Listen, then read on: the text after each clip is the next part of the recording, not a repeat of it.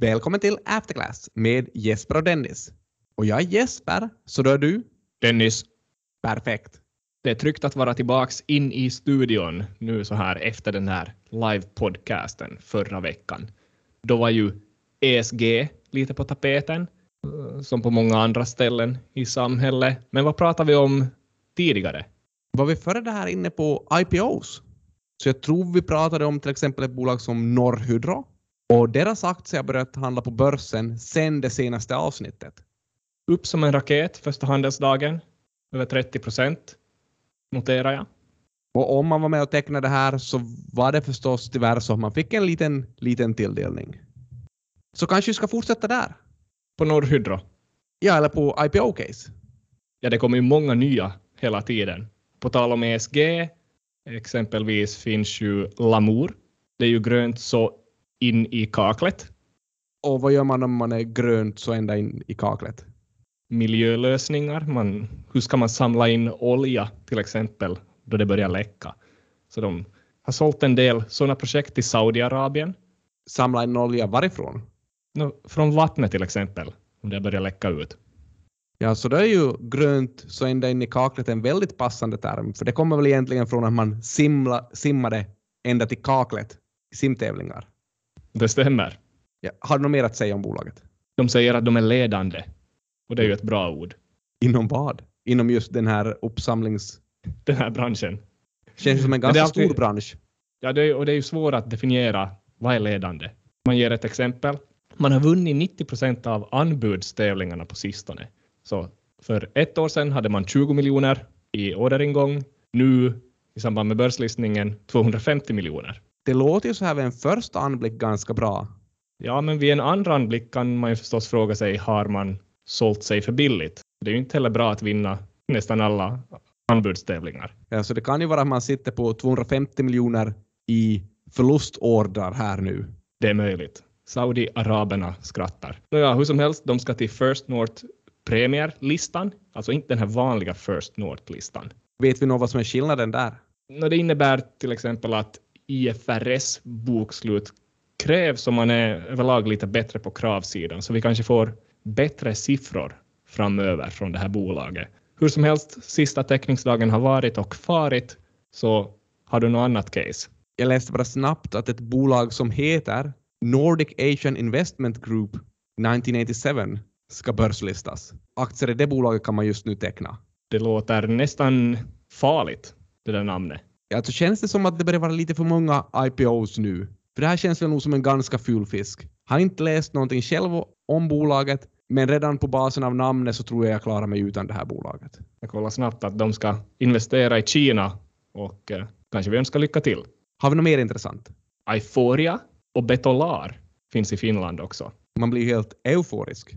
Ja, speciellt om man gillar AI, för här är det AI för hela slanten. Man rider på den här AI-megatrenden. Så Euphoria, det handlar om sån här deep learning och neurala nätverk kring hur man ska tolka bilder för att kunna ge diagnoser i läkekonstsbranschen. Det låter ju väldigt lovande. Däremot känns det som om man har hört om sådana här bolag tidigare. Så alla bolag kan ju inte vara en guldgruva inom den här branschen. Nej, så är det väl kanske. Det är lite så här förhoppningsbolag. Betolar, det här andra caset, de kopplar ihop betong, AI och hållbarhet. Det var en oväntad kombination. Ja, VD Matti Löpönen säger att de ska disrupt the world of concrete. Så jag är lite oklar här att det är väl inte själva AI som ska göra betong här, men på något vis eh, använder man AI för att komma fram till en bra sån här ingrediens i tillverkningen av betong. Så egentligen man kommer att sälja recept på betong, eller egentligen sådana här skräddarsydda recept på betong till kunder på ett hållbart sätt. En del av mig gillar det här, men sen är det också någonting som gör bara det här känns konstigt. Ja, Finlands den här klimatfond gav just sju kaniner, eller sju miljoner, i sån här statligt stöd till det här bolaget, just före listningen annonserades. Så att det finns li- lite uppbackning från staten, det finns eh, många sådana här ankarinvesterare med, så det är många som tror på det. Men som sagt, man måste också tro på AI. Ännu ett tredje case, AI-relaterat, här också, är det här digital workforce. handeln borde börja ungefär då vi publicerar podcasten, så det är lite svårt att säga desto mera om företaget. Men om jag förstår det rätt så handlar det om att de ska automatisera tråkiga manuella jobb. Det känns också som någonting som man har hört om tidigare. Men kanske är det just digital workforce som kommer att lyckas.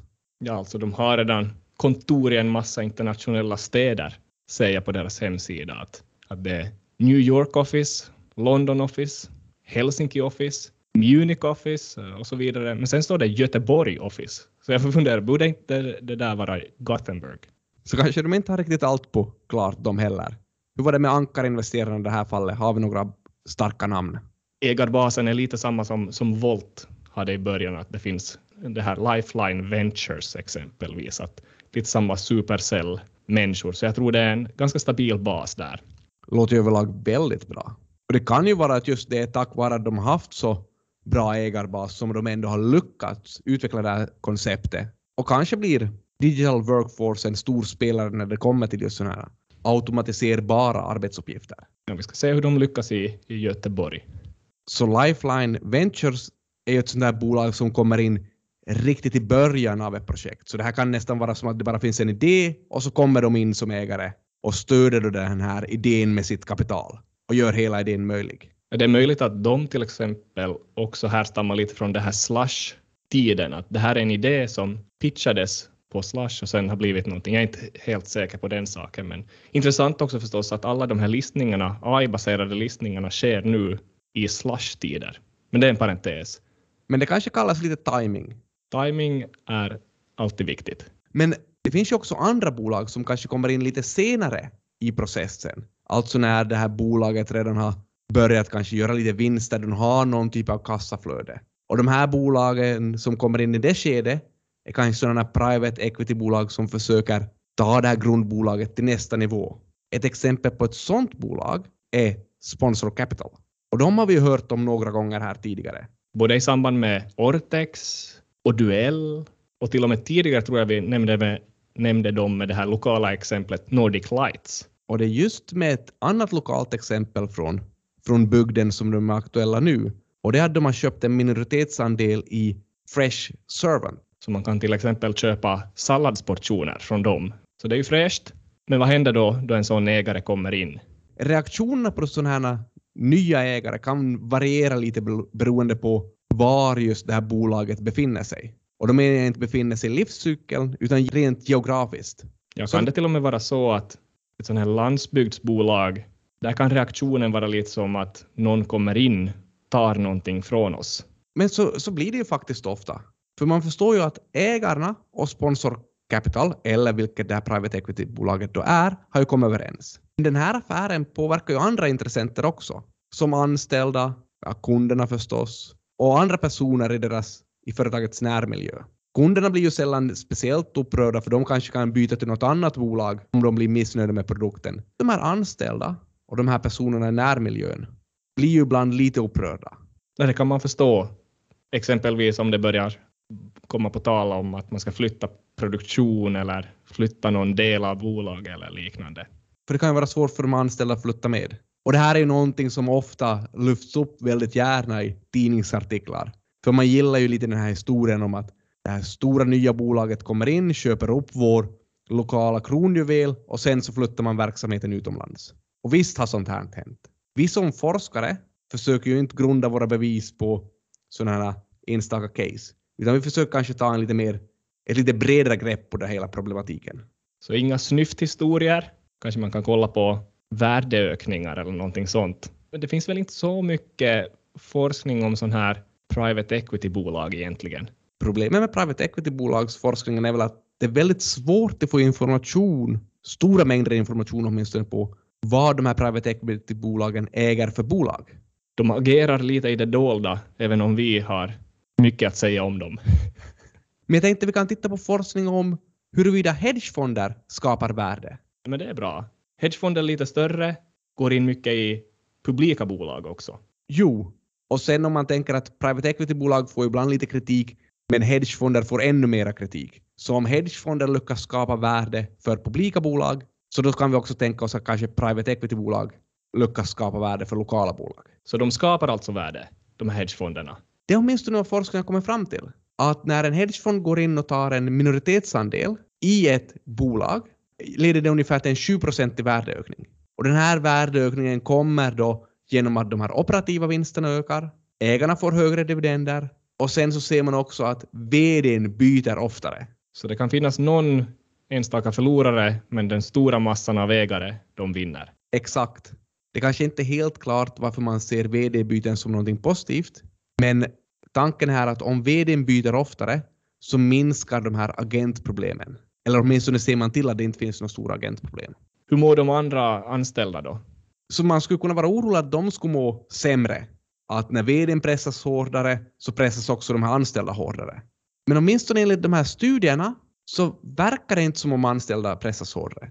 De är visserligen mer produktiva, men de ser inte ut att arbeta fler timmar och deras lön minskas inte. Så egentligen har den här forskningen kommit fram till att hedgefonder förbättrar bolagen. Och bättre bolag borde också vara bättre för de här lokala intressenterna.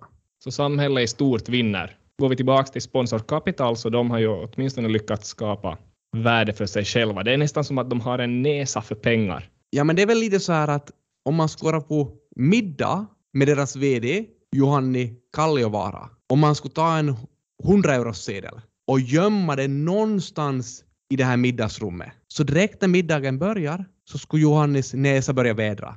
Man kan nästan vara helt säker på att han skulle finna den här gömda 100 eurosedeln i rummet.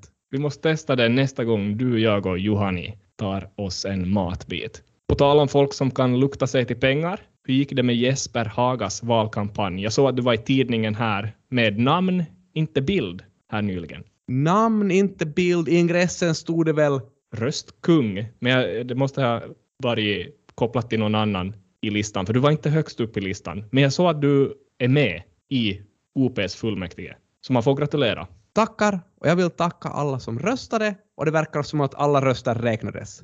Alla 44. Så en ökning med 10 procent sen senaste val. Ja, den där valkampanjen måste ju ha varit väldigt dyr.